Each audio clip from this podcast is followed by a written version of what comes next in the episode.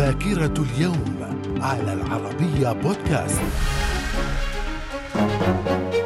أهلا بكم إلى ذاكرة اليوم السابع من ديسمبر ففي العام 1830 الحاكم العام الفرنسي في الجزائر دوبومون يصدر قانونا يقضي بحق التصرف بالأملاك الدينية. في العام 1877 توماس إديسون يخترع الفونوغراف وهي آلة قادرة على تسجيل وإعادة بث الأصوات المسجلة.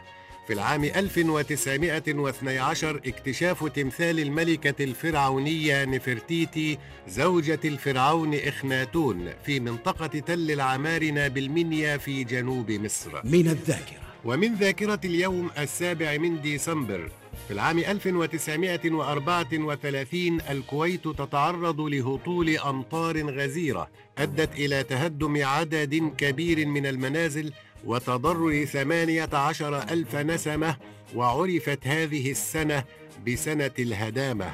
في العام 1941 قوات البحرية الإمبراطورية اليابانية تقوم بهجوم على القاعدة العسكرية الأمريكية في بيرل هاربر في جزيرة أواهو في جزر هاواي وأدى الهجوم إلى تدمير كامل الأسطول الأمريكي.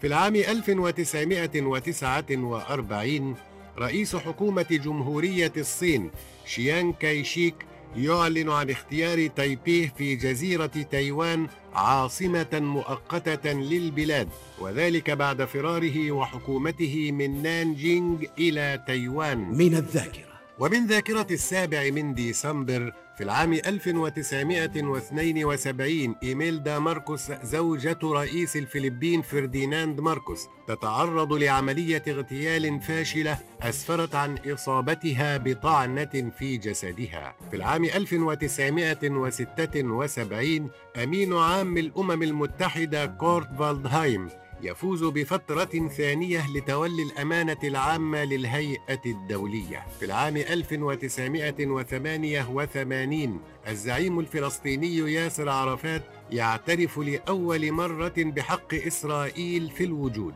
في العام 2004 حامد كارازاي يؤدي اليمين الدستورية رئيسا لأفغانستان بعد فوزه في أول انتخابات رئاسية فيها. في العام 2016 تحطم طائرة تابعة للخطوط الجوية الباكستانية أدى إلى وفاة جميع من كانوا على متنها والبالغ عددهم سبعة وأربعين شخصا. من الذاكرة. ومن مواليد اليوم السابع من ديسمبر في العام 903 عبد الرحمن بن عمر الصوفي مهندس وعالم في علم الفلك فارسي مسلم. في العام 1545 هنري ستيوارت زوج ملكة اسكتلندا ماري ستيوارت. في العام 1928 ولد نعوم تشومسكي الكاتب الأمريكي. في العام 1933 ولد الممثل والمخرج المصري كرم مطاوع. من الذاكرة. وفي السابع من ديسمبر من عام 328 توفي امرؤ القيس ملك الحيرة. وفي العام 2012 توفي الموسيقار المصري عمار الشريعي. من الذاكرة. وفي السابع من ديسمبر من كل عام يحتفل باليوم العالمي للطيران المدني وبعيد الاستقلال في الكوت ديفوار وبيوم الشموع في كولومبيا. من الذاكرة. إلى اللقاء.